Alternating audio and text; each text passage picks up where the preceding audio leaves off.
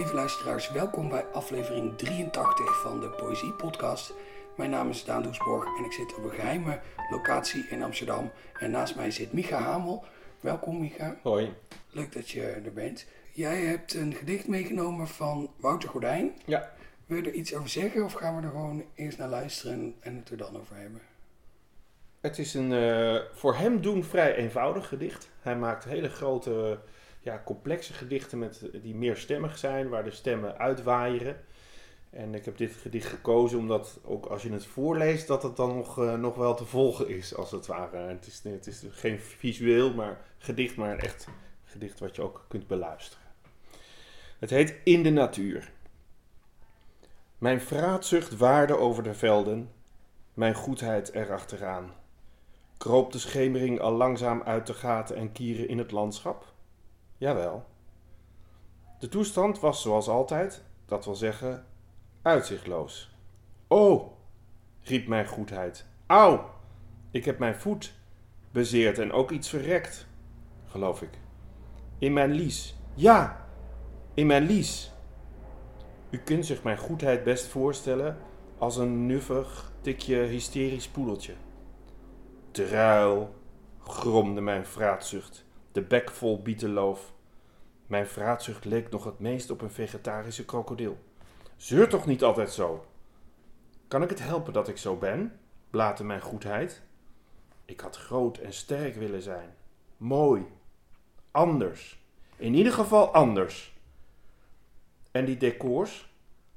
Denk je dat ik niet eens iets exotischer zou willen? Iets met palmen en kokosnoten en vrouwen met minuscule broekjes aan? Mijn vraatzucht liet een galmende boer, die een diepe minachting uitdrukte. Zachtjes kijvend en zo nu en dan struikelend over aardkluiten en naamloze oneffenheden, vervolgde het onafscheidelijke tweetal zijn weg. Dankjewel. Waarom heb je uitgerekend dit gedicht gekozen om hier te lezen vandaag?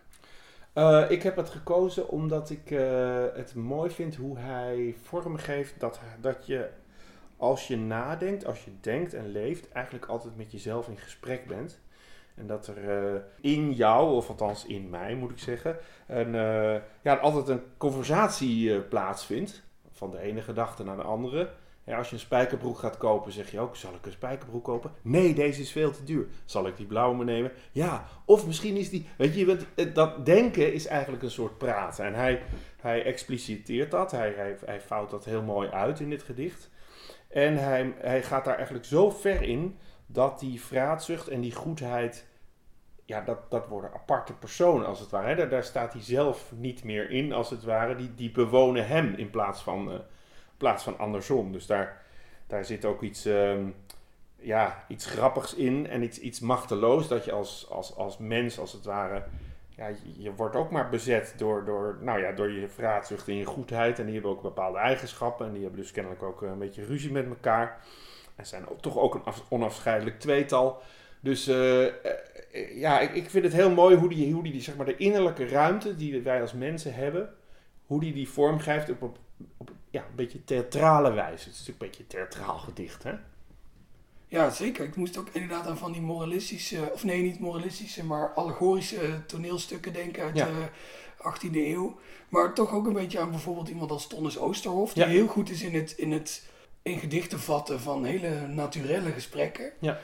En, en inderdaad, heel goed gekozen tweetal. Want best wel veel is te reduceren tot ofwel vraatzucht ofwel goedheid, als je wil. Ja, ja, en hij heeft, uh, het is ook altijd lichamelijk bij hem. Dus het is dus die, die, die, um, die goedheid die ziet er dan uit als een nuffig hysterisch poedeltje. Het is een soort opgewonden, ja, hoe moet je dat zeggen? Ja, ja nuffig, dat is ook een beetje, beetje erboven, een beetje niet helemaal ja, niet helemaal op aarde, een beetje hysterisch, een beetje met veel energie. En die vraatzucht is natuurlijk, weet je, die is veel, veel zwaarder en die zit helemaal onderaan en die zegt druil, weet je, de bek vol bietenloof.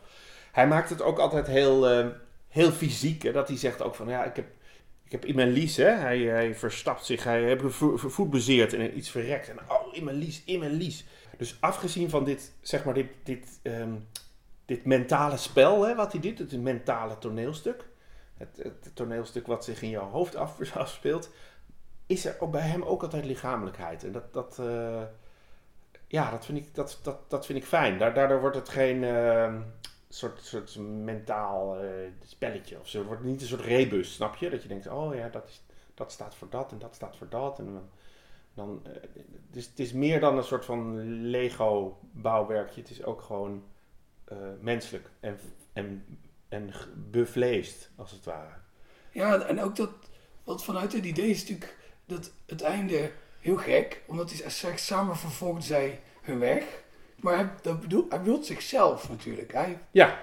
Maar het is tegelijkertijd ook alweer heel, heel logisch. En ook dat einde is, is, een, soort, is een soort cliché voor een, het einde van een kinderverhaal. Ja, zo. Ja. Je, twee mensen komen elkaar ja, tegen. Weet je, Charlie Chaplin einde. Dat, je dat, dat je dat in dat rondje zie je zo, hè, lopen ze naar de horizon als het ware. Dat is, ja, maar doordat het eigenlijk niet klopt. Want zij zijn hem. Nou, is het toch ook weer een interessant einde waar je aan blijft hangen en denkt, wacht even, wat gebeurt hier nou precies? Dat, ja, die word, je, word je op een hele aangename manier op het verkeerde been gezet. Ja, en ook dat hij zegt, de vraatzucht uh, leek nog het meest op een vegetarische krokodil. Dat is ook, dat is ook een beeld, daar moet je eigenlijk even een kwartiertje over nadenken, hè, wat het dan is. Want wat is een, dat de vraatzucht lijkt op een krokodil, dat is, dat is te snappen. Dat, dat heeft de krokodil een grote bek. Maar waarom is hij dan vegetarisch? Hè? Wat, eh, eh, waarom zou hij dat willen zijn? Of waarom zou hij dat zijn? Of, of, of, of zou dat een betekenis geven aan zijn krokodil zijn? Want hij heeft zijn bek vol bietenloof.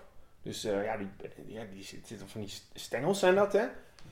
Maar kennelijk eet hij geen vlees. Maar misschien eet hij geen vlees omdat hij in hem zit. En dat hij, als hij vlees zou eten, dat hij hem op zou eten. Bijvoorbeeld. Ja, bietenloof vind ik ook een hele goede keuze wat dat betreft. Het is, hij kan van alles uit zijn bek hebben hangen, allerlei planten. Maar dan bietenloof, dat ook weer zo een, een keuze die ook weer op het verkeerde been zet. Waarom dan? Waarom dan bietenloof? Ja. Maar ja, waarom eigenlijk ook niet? Het heeft ook wel wat esthetisch, zo met die groene bladeren en dan van die rode sprieten. En dan, dat, ik zie het wel meteen, meteen voor me. Ja, dus een, een sterk beeld. Ja dat, ja, dat bedoelde ik net ook te zeggen met dat fysieke. Dat het is een... Uh, het, het is echt iets. Het is ook, ook over nagedacht, ook gekozen. Ook eh, bietenloof is ook. Ja, eh, het is een echt plantje als het Ja, precies. Niet zomaar wat. Gras of zo. Als je gras zegt, dan. Ja, iedereen, iedereen komt wel op het woord gras op, de, op die plek in het gedicht. En hij maakt er dan net even bietenloof van. Dat is dan. Heeft humor en het is, het is licht en het is, het is meteen in beeld. Ja, inderdaad. En, maar je zei dat het binnen zijn oeuvre is het een beetje een vreemde eend in de bijt, want de rest is... Nee, het is niet een vreemde eend in de bijt, maar vaak is, het, uh, vaak is de taal ontregelender en is dit een, een relatief helder gedicht. Voor, voor zijn doen. Ja, en misschien ook meer lineair verhalen. Dat bedoel ik, ja. Ja, je vertelde net al eventjes voordat de recorder aanging dat je dan als je dus van mij die onmogelijke vraag krijgt om één gedicht te kiezen uit alle gedichten op de wereld, je dan de, de, de keuze mee laat wegen of het ook een beetje fatsoenlijk voor te dragen is. Ja. Anders had je misschien een ander gedicht van Gordijn gekozen. Nou, nou ik ben een grote fan van Gordijn. En al heel lang. Ik heb hier ook de bundel De Karpers en de Krab meegenomen. Het is denk ik zijn tweede bundel, maar in ieder geval die is echt wel flink oud. En die heb ik, uh, ja, die heb ik al jaren in huis. Ik heb alles, oh, die is uit 2003. Kijk eens, die is gewoon 20 jaar oud. Dus ik heb al twintig jaar, volg ik hem en lees ik alles. En, uh, en zijn gedichten worden, worden ook steeds ontregelender. Dus bij de, in de Karpus en de Krab staan best wel gedichten die, uh, die nog een beetje ouderwets gedichterig zijn. En zijn nieuwste bundels, uh, ja, zijn nieuwere bundels, die, daar moet je echt even tussen alle scherven en brokken je weg zien te banen. Ja. Het loopt steeds verder uit de klauwen. Ja, zeker beetje dezelfde ontwikkeling als bij een, uh, een, Nick Cave. Ik heb het idee dat zijn nummers ook steeds meer uit elkaar vallen. Ik weet niet of je een liefhebber bent van... Uh, van wie? Nick Cave. Nee, oh, dat ken ik eigenlijk oh, niet. Nee, is... Sorry, ik, ken, ik, oh, nee, ik weet wel wat het is hoor, maar ik, ik zou niet nu een nummer kunnen... Uh, die is begonnen met hele stevige soort van punk, rock-achtige muziek. En eigenlijk, als ik wat hij nu maakt zou moeten typeren, dan... dan draagt die poëzie voor met geluid erbij. Het, Oh, ja. dus dat valt steeds verder uit elkaar. Het is misschien dezelfde beweging die Ja. eh, Wouter Gordijn in zijn oeuvre aan Ja. het maken is. Nou, ik ken het ook wel hoor. Ik ben ook, eh, mijn, mijn debuutbundel is ook, eh, als, als je daar nu weer naar kijkt, zijn het ook wel van die blokjes tekst van, weet ik wel, drie, vier, vijf regels en dan zo'n witje ertussen en dan weer zo'n blokje. En eh, ja, dat heet dan een prescriptie. Hè? Dat je, je denkt eigenlijk bij het woord gedicht al aan hoe een gedicht eruit ziet. En onbewust, ook al ben je nog zo, zo woest en jong, onbewust heb je een soort idee wat een gedicht dan is. Dus als jij een gedicht gaat schrijven, eh, dan, ehm, ja, dan wordt het ongeveer zoiets. En, lang, en, en, en langzamerhand. En het geldt niet alleen voor mij hoor. Ik, zit, ik, ik zie het ook bij mijn leerlingen bijvoorbeeld. Die, eh, die, eh, daar- zie je, nou, oh, ik ga een gedicht schrijven. Hè, dus dat moet een bepaald soort. Nou ja, je kent dat wel. Een bepaald soort diepgang bij een bepaald soort eh, nou, afbrekingen en dingetjes en wat, wat de trucendoos. En ehm, dan eindigt het inderdaad in, nou, in een gedicht. Niet verwonderlijk. En op een gegeven moment ben ik daar heel, nou toch wel gestaag in de bundels ehm, langzaam van afgekomen. En wat theatraler gaan werken, theatraler gaan schrijven. Tot het moment dat ik eigenlijk helemaal niet meer denk of iets een gedicht moet zijn of niet. Ik denk er helemaal niet meer over na. Ik denk het moet een tekst zijn. Ik noem dat een tekst. En dat betekent dat soms een gedicht bij mij over zes pagina's doordendert. En soms is het eh, zes, drie regels of een, of een dingetje of een lijstje. En dan, dan is dat het. Kan het ook nog steeds die keurige vorm aannemen? Gewoon mooi drie blokjes van vijf regels met een wit regeltje. Ja, ja dat, dat mag. Tuurlijk mag dat. En in mijn bundel staan. Het, is, het blijft natuurlijk een soort van... Je hebt die witte pagina en daar, daar, daar gooi je wat zinnen op. En eh, nou ja, in onze cultuur beginnen die toch echt wel op links en eindigen die rechts. Dus dan heb je toch wel de kans dat, dat als je doorschrijft dat het dan blokjes worden. Dus eh, van, van die kant uit geredeneerd ontstaan er wel gedichten. Maar, ehm, eh, maar het, het gevaarlijke is dat je, dat je als het ware de, de, de voorschriften van het genre gaat, gaat internaliseren. Dat je die gaat overnemen. En zeg maar om het even heel overdreven te zeggen dat het een invuloefening wordt. Dat je eigenlijk alleen maar bezig bent met het genre te, te doen. In plaats van dat je je eigen stem probeert te beluisteren. Ja, je moet wel nog een beetje inderdaad zelf, zelf de regie houden over wat er gebeurt. Ja. In plaats van dat de vorm dat voor je doet. Ja. Ik heb laatst schreef ik eh, een gedicht en toen dacht ik, oh, dit, volgens mij kan ik hier een heel mooi keurig eh, sonnet van maken. Daar kwam ik zo halverwege achter dat het best nog wel eens zou kunnen passen. En toen deed ik dat en toen was ik klaar. En toen dacht ik, nou, dat is mooi gelukt. Maar toen keek ik en toen zag ik pas dat ik drie kwatrijnen had Oh ja? geschreven.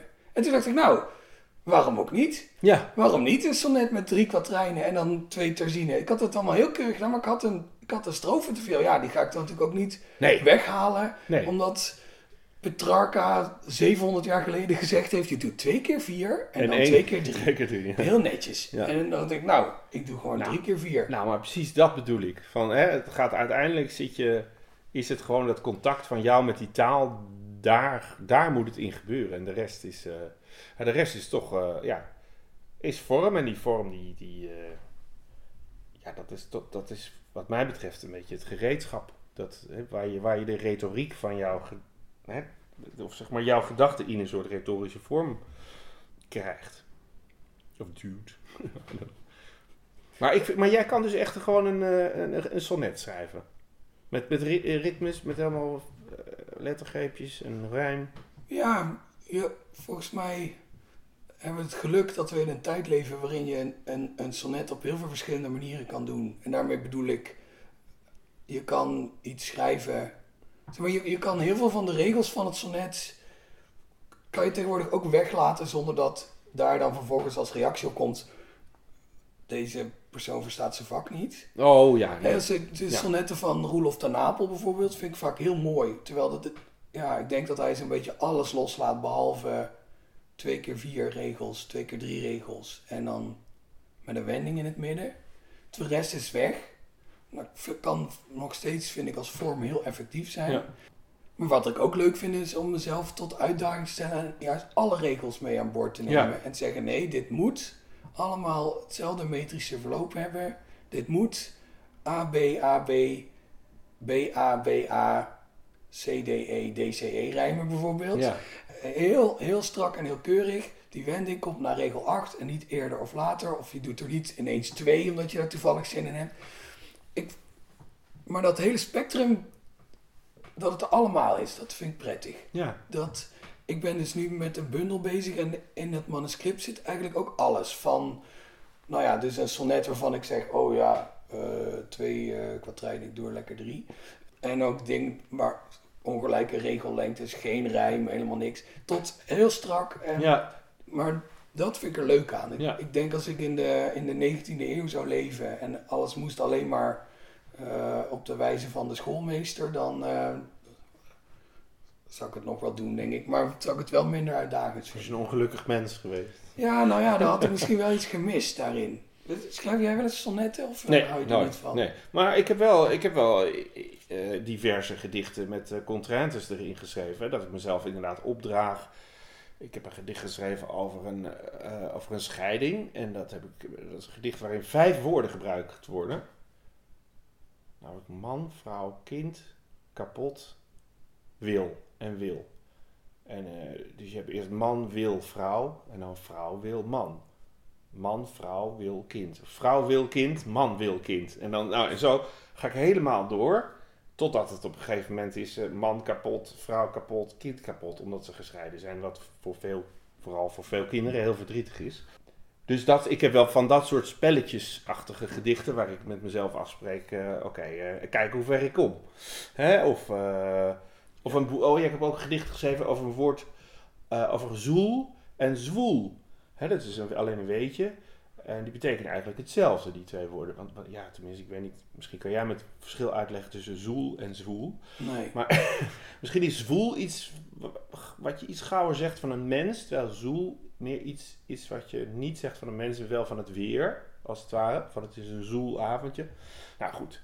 In ieder geval, eh, die liggen zo dicht bij elkaar. En dat vind ik dan leuk om, om, om daarmee aan de gang te gaan. Gewoon met, gewoon met, met, dit, dat, met het feit dat het één letter verschilt. Weet je wel? Dat is gewoon een, ja, eh, gewoon een idee van daar ga ik eens wat mee doen. In plaats van dat je denkt van goh, ik, eh, ik, voel wat of ik vind wat van de wereld. Of ik, eh, nou ja, van de andere impuls om een gedicht op te schrijven als het ware. Het is dichters misschien ook wel eigen, denk ik toch? Om, om naar taal te kijken op een manier die ook uitnodigt om, om dat soort gekke, gekke kleine dingetjes of gekke puzzeltjes Ja. op te tuigen voor jezelf. Ja. Misschien bij veel dichters eindigt dat dan nooit eh, eh, in een bundel, maar doen ze het wel. Ik maak nu een enorme generalisering die ik niet kan onderbouwen, maar dat, ik denk dat. Dat je ja, je, je, je markeert toch allemaal iets waardoor je besluit dichter te worden. En onderdeel daarvan is dat je op een bepaalde manier naar taal kijkt. Moet wel, denk ik. Ja, en luistert ook, hè? Ja, Je hoort dingen. Ja, in, in mijn nieuwe dichtbundel staat bijvoorbeeld een. Mijn, de, regel: Mijn brein had 10 minuten. Ik ben laat, want mijn brein had 10 minuten vertraging. Nou, dat vond ik bijzonder geestig, want het moet natuurlijk eigenlijk trein zijn. Hè? Ik ben laat, want mijn trein had 10 minuten vertraging. Maar ik heb dat, ik heb dat echt gehoord een keer, dat inderdaad collega binnenkwam en die zei: Ja, ik ben een beetje laat, want mijn brein had, eh, mijn brein had eh, 10 minuten vertraging. En ik las: Mijn brein had 10 minuten vertraging. Hè? Ik snapte het gewoon niet. Hè? Dus dan heb je zo'n. dan heb zo'n em, zo'n mis, misbeluistering, als het ware. En toen dacht ik, oh nee, natuurlijk, dit, het is natuurlijk een trein. En dan, eh, maar door die misbeluistering, ik, hey, dit is eigenlijk een geniale uitspraak. Mijn brein had 10 minuten vertraging, weet je. Dus die, die schrijf ik dan op, die schrijf ik dan in mijn telefoontje of ik spreek hem in en dan kom ik thuis en dan zet ik hem in mijn computer en dan komt hij in een mapje. En dan komt hij in mijn aantekeningmapje en dan zit ik op een gegeven moment, ja, ben, ben ik echt bezig aan het dichten, aan het werk. Ja, dan gaat zo'n mapjes open en dan zie je, oh, dan zie je die regel. En dan weet je, zo, zo, zo, zo, eh, ja, zo komt dat ook in hun werk terecht. En zo komt die inspiratie ook van buiten naar binnen. En ik vind het, eh, ja, kijk, wij dichters, wij, wij, wij kijken gewoon onder de motorkap van de taal, als het ware. Dus eh, ja, het is, ehm, de proza-schrijvers die laten de, laten de auto lekker rijden, als het ware. dat is toch meer de ervaring van, nou ja, een vertelling van een, een beweging. En, en de dichters, ja, die, die, die, die- ja, die halen de, de- het, het, het bakje voor de koelvloeistof. eh, eruit. De coureurs versus de monteurs. Ja, een beetje. Ja, dat is mooi gezegd. Ja, waarom niet? Is, Ja. dat, is dat bekende uitspraak? Of Nee, dat- nee, je, bedenk je nu. Ja. trek ik nu uit jouw metafoor. eh. Ik denk dat daar wel wat in zit. Maar- we zouden het voor de eerlijkheid misschien een keer aan een proza-schrijver moeten vragen. Misschien vindt hij het wel een verschrikkelijk beeld. Ja, nee, natuurlijk. De, proza is ook... eh, Ja, ik kan ook helemaal geen proza. Hè? Dus ik ben ook dichter omdat ik, ik, eh, omdat ik niks anders kan. Het is niet dat, dat ik anders be- of beter of minder ben dan een proza. Maar het is gewoon een heel ander dingetje. Als proza-schrijver werk je natuurlijk met, met, gewoon met andere krachten en met andere... Nou ja, dat moeten we inderdaad maar eens even aan zo iemand vragen. Ja, nou ja, op zich, er zit natuurlijk ook niks pejoratiefs in. Want een, een, een coureur kan een auto heel goed besturen. Ja. En een monteur kan een auto heel goed Je laten gewoon een, draaien. je hebt gewoon een ander beroep. het, is niet, het is niet dat de een beter is. Of, Ja. of nou ja, misschien je zou kunnen zeggen dat Max Verstappen in hoger aanzien staat en meer geld verdient dan degene die zijn motor onderhoudt. Maar eh, dat is dus eigenlijk alleen maar in het voordeel van de proza-schrijvers. Zoals ook de verkoopcijfers en de reclamecampagnes Ja. en de, de inkomsten. Dus eh, nee, ze doen het er maar mee. Ja. Zou je misschien het gedicht van eh, Wouter Gordijn nog een keer eh, Ja. voor willen lezen? In de natuur. Mijn vraatzucht waarde over de velden, mijn goedheid erachteraan. Kroop de schemering al langzaam uit de gaten en kieren in het landschap? Jawel. De toestand was zoals altijd, dat wil zeggen uitzichtloos. O, riep mijn goedheid. Au, ik heb mijn voet bezeerd en ook iets verrekt, geloof ik. In mijn lies, ja, in mijn lies. U kunt zich mijn goedheid het best voorstellen als een nuffig, tikje hysterisch poedeltje.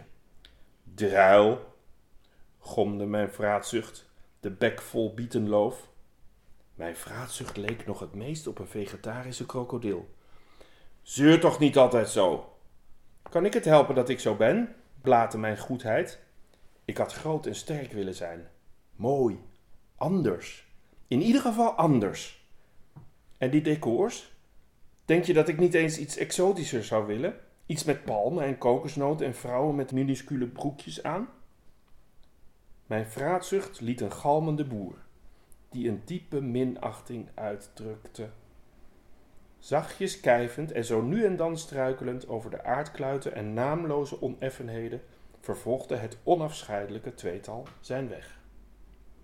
Dankjewel. We, we hebben hier ook allebei eh, jouw spiksplinternieuwe bundel op tafel liggen. Ja, Eh, is daar iemand ja. waarvan ik moet zeggen, dat, maar dat is dan misschien niet jouw verdienste, dat het een erg mooi omslag heeft? Nou, het is wel mijn verdienste dat ik hem, eh, zeg maar, mee heb helpen uitzoeken en een aantal ontwerpen heb afgekeurd. Ja, en een aantal, aantal ontwerpen heb goedgekeurd. En dit hieruit komt het. Maar het is, eh, zeg maar, het, het, de, letters en, en hoe, dat, hoe, de, hoe de letters eh, daar staan. En dat heeft Frank August gedaan. Eh, en dat heeft hij fantastisch gedaan. Dat is helemaal niet mijn werk, maar ja, zijn, zijn verrassende zijn verrassende werk, waar ik heel eh, verguld mee ben. Zeker. Maar we zitten hier natuurlijk niet in de boekomslagen podcast, maar in de poëzie podcast. Zo is Dus het. laten we naar de inhoud duiken. Jij hebt een gedicht uitgezocht. Ja. Eh, wil je dat aan ons laten horen? De leeuw begon als een taxidermische kop aan de muur. Een einde dat ik mijzelf toewens, mocht ik uit het verleden ontheven raken.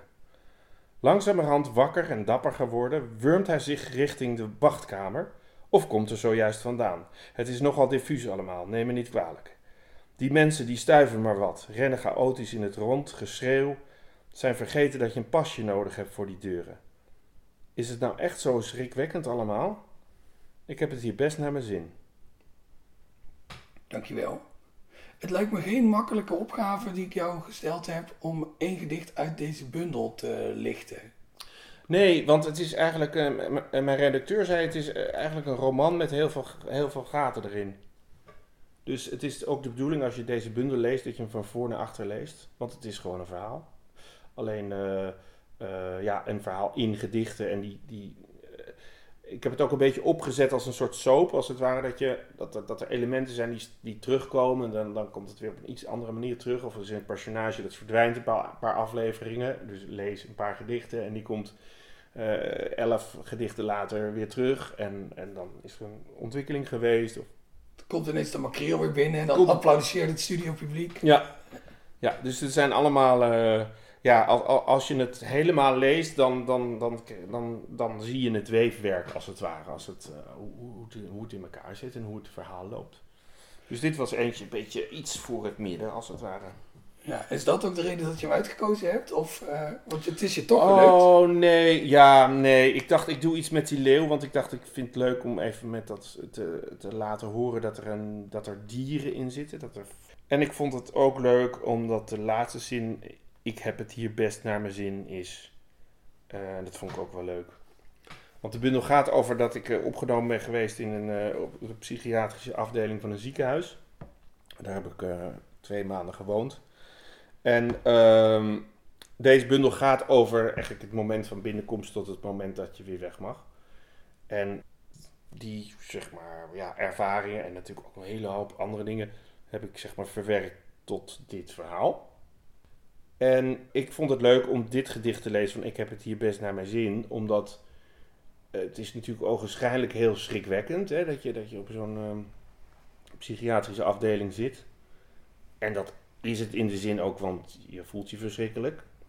Maar het is als ervaring van daar zijn, is het, ja, ik heb het hier best naar mijn zin. Ik vond het, eh, ik vond het eh, heerlijk dat mensen mij hielpen en ik waren ontzettend, ja, mensen zijn heel, eh, hoe zeg je dat, zorgzaam en goed en met de andere eh, patiënten had ik ook goed contact, want je hebt allemaal eh, wel iets als je daar zit.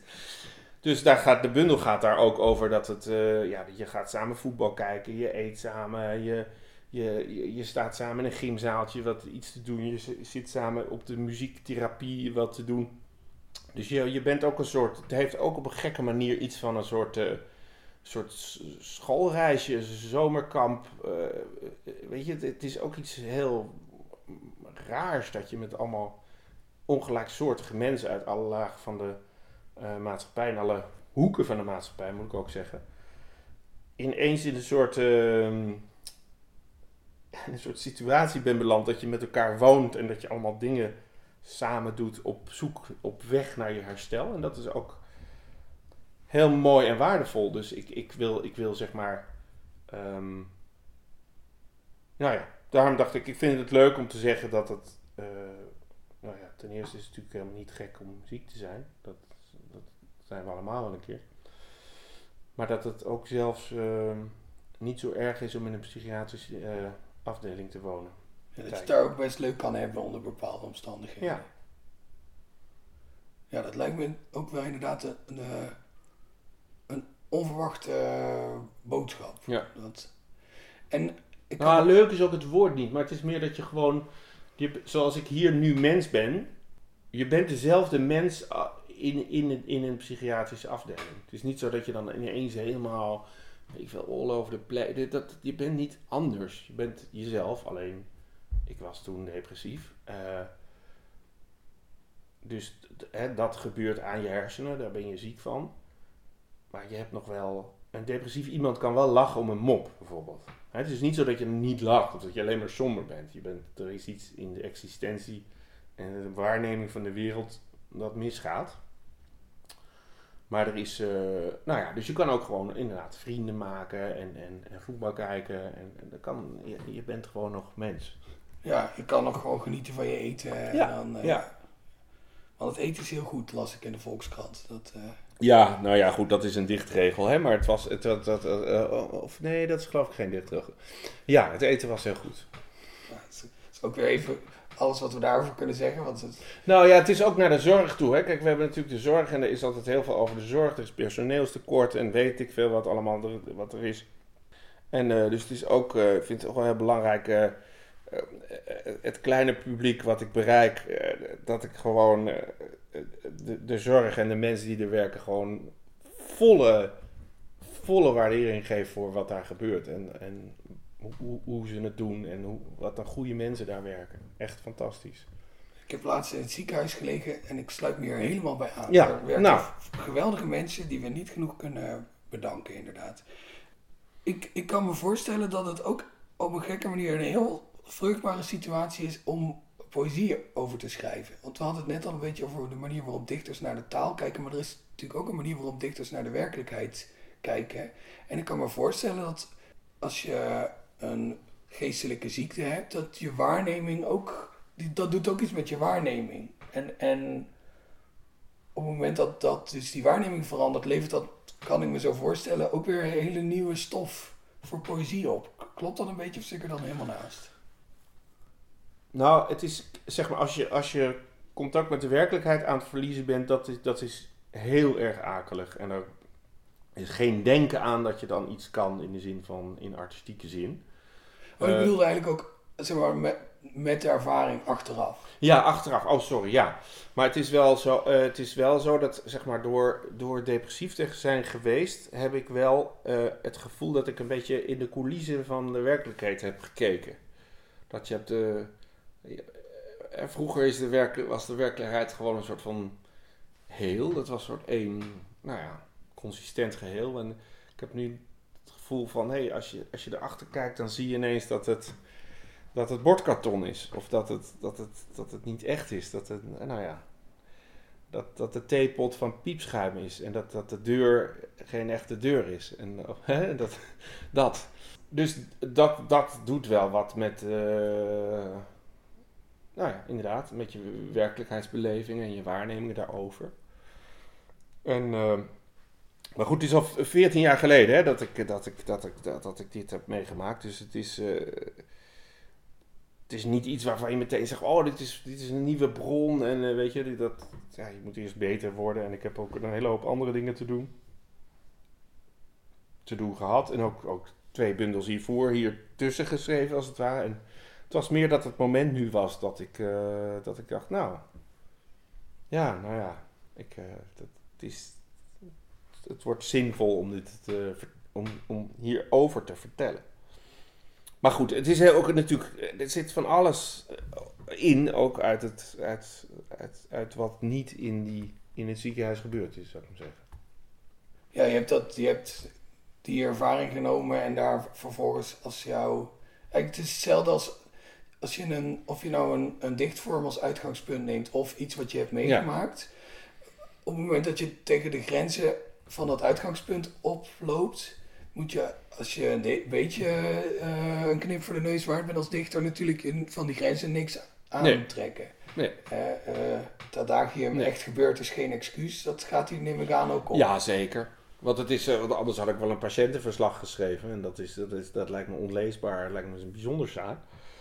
Um, dus inderdaad, het is, een, het is een, eigenlijk meer een soort dichterlijke doorwerking van uh, de gevoelswereld dan een weerslag van, uh, van, van, een, van reëel gebeurde gebeurtenis. Ja, dat maakte natuurlijk ook literatuur inderdaad. Ja. Je, had ook, je had inderdaad ook een waarschijnlijk extreem goed verkopend uh, non-fictieboek kunnen schrijven over uh, hoe ik, uh, weet ik veel, nou, ja, dat Ja. zo'n soort titel. Ja. Met een enorme foto op de voorkant. En dan had dat ook gekund. Ja. Maar ja, dan vind ik dit toch, ik als lezer, dit toch een stuk interessanter eigenlijk. Dat, en je hebt in die bundel, dat zei je net al even, een aantal personages die de hele tijd terugkomen. Ik vond het echt ook wel een, een zeg maar, vond het wel, wel spannend als lezer. Dat, op, een, op een gegeven moment weet je een beetje wie er, wie er dan in de roulatie zitten. En dan Ja. kijk je of je ze weer...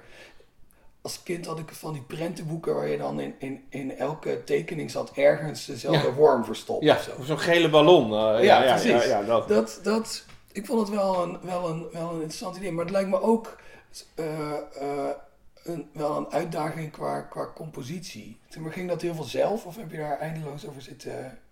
Het moet natuurlijk niet te veel worden, maar ook niet te weinig. Nee. Nou ja, eh, niets gaat vanzelf, maar eh, ik, ik, ik heb wel. eh, eh, ik, heb, ik heb zonder vorm gedicht. Dus ik heb gewoon eindeloos veel gedichten gemaakt zonder me te bekommeren om.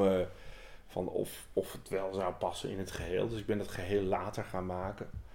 En ja, ik, ik werk heel veel dan. ehm, sowieso werk ik vaak met waslijn in mijn kamer, met knijpers en zo. En ik neem dan bijvoorbeeld alle gedichten waar de leeuw in voorkomt. En die, die hang ik dan achter elkaar. En dan, kijk je er zo naar. En dan Nou ja, dan zou je bijvoorbeeld kunnen ontdekken van ja, de leeuw komt altijd in een, weet ik veel, in een, in een weemoedige stemming binnen. Of hij rent altijd. Dat zie je dan ineens. Oh, dat is saai zeg. Die leeuw altijd rent. Nou, dan maak je er één keer, hij loopt van. Weet je, zo. En dit is een beetje Jip en Janneke uitleg. Ja, ja. Maar, maar zo. En zo, zo en, en, maar als bijvoorbeeld in dit leeuw, leeuw hetzelfde gedicht zit als eh, Henny of zo, is een naam dan.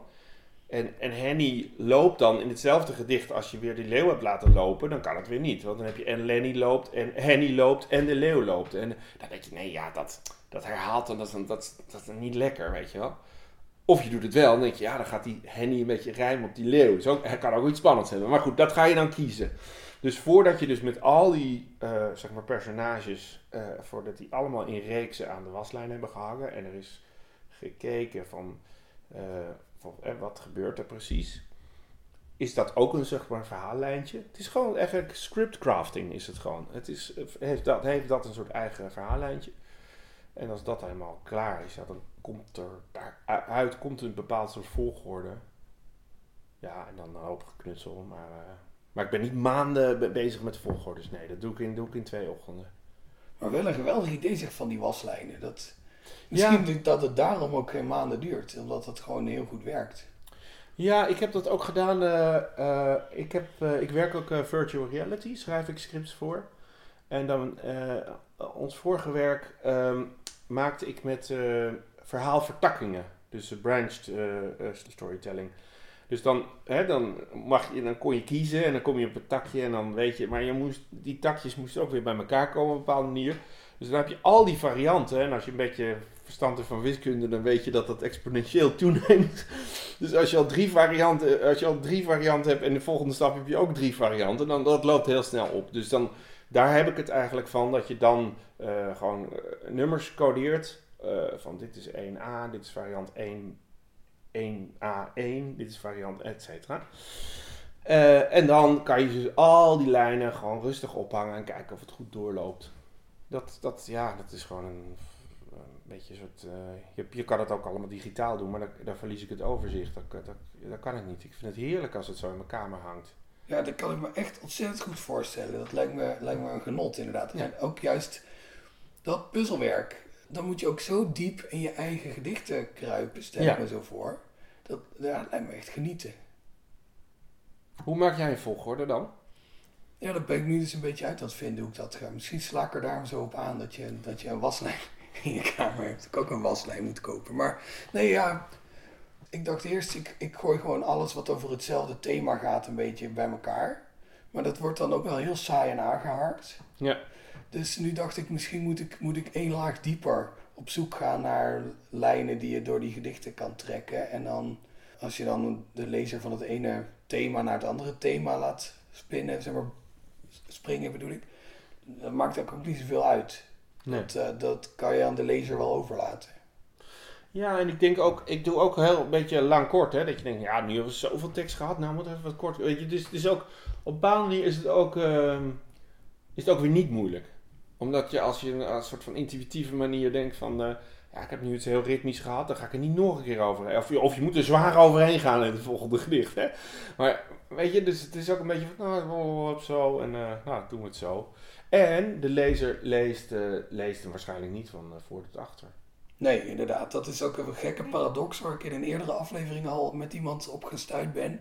Dat dichters heel veel nadenken over de volgorde waarin ze hun, hun bundel eh, eh, zetten. Nee. Maar vervolgens, als je al die dichters het zelf vraagt hoe zij een bundel lezen, dan is het ook ja, hier een gedicht en dan daar weer een gedicht en dan blader ik daar weer naar een gedicht.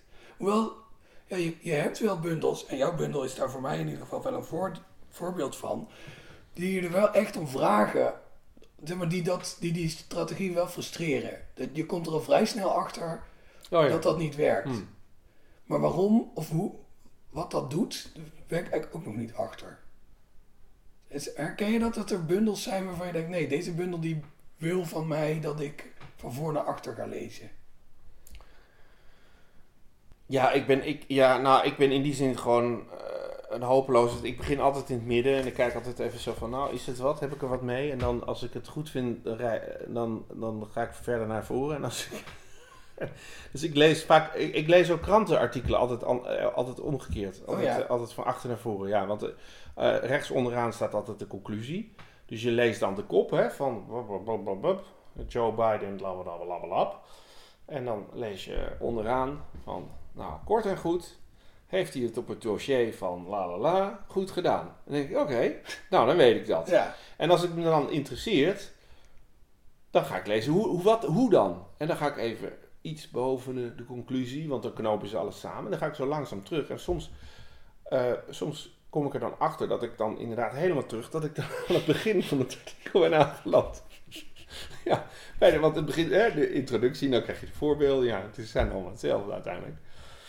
Maar dat is ook een soort manier om, eh, om, om, om, om gewoon ongeduldig te zijn en, eh, ja, ja, en, en te leven zoals, zoals ik leef.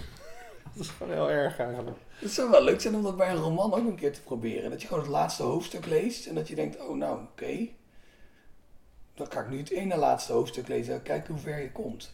Nou, ik had laatst wel dat ik een roman aan het lezen was. Ik, ik lees bijna gewoon romans, maar...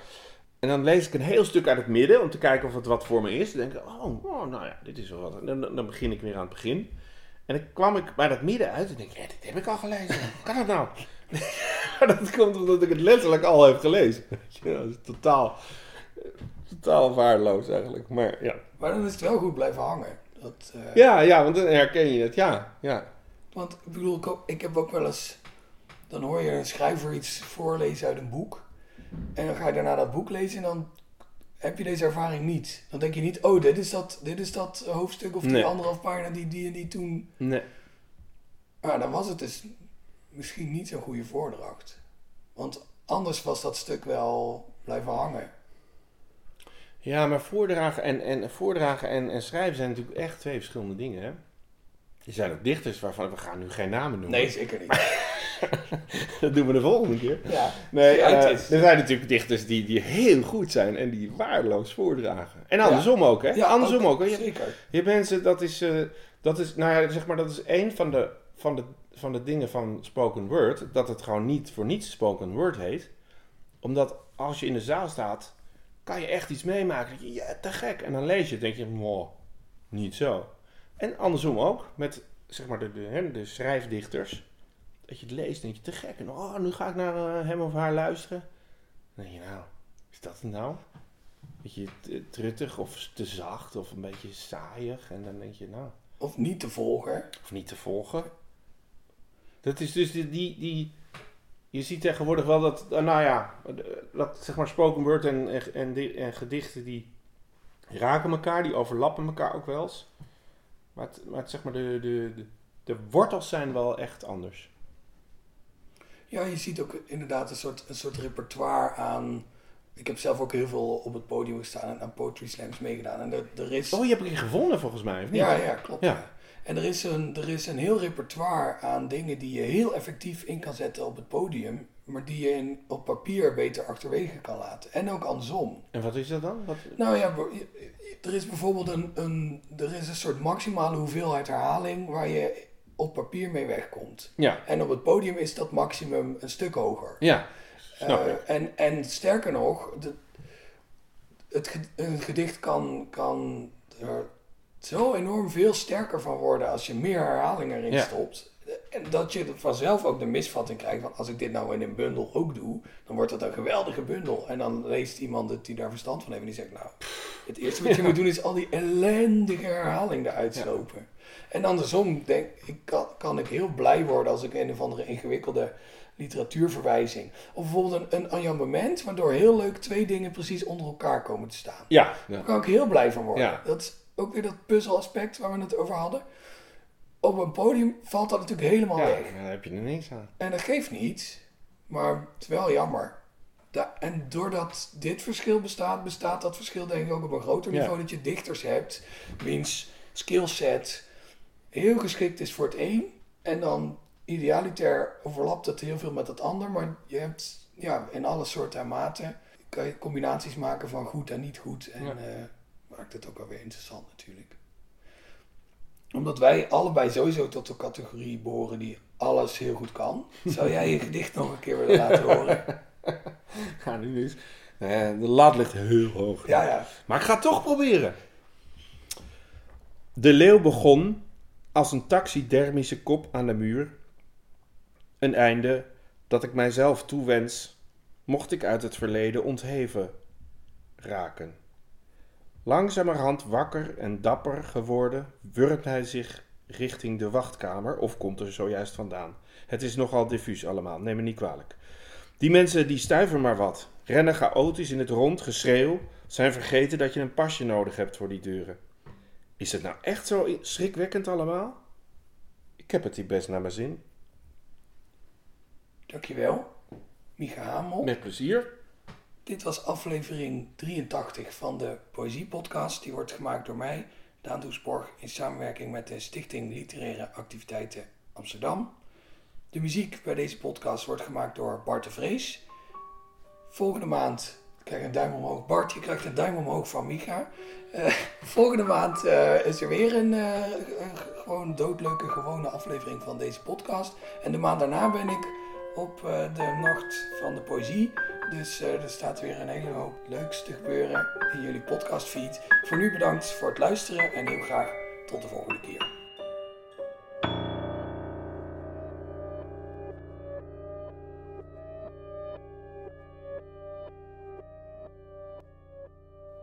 Je luisterde naar een aflevering van de Poëziepodcast. Daan Doesborg is schrijver en presentator. In 2010 werd hij Nederlands kampioen Poetry Slam. Momenteel werkt hij aan zijn debuutroman, die zal verschijnen bij uitgeverij Van Oorschot. De Poëziepodcast wordt mede mogelijk gemaakt door de Stichting Literaire Activiteiten Amsterdam.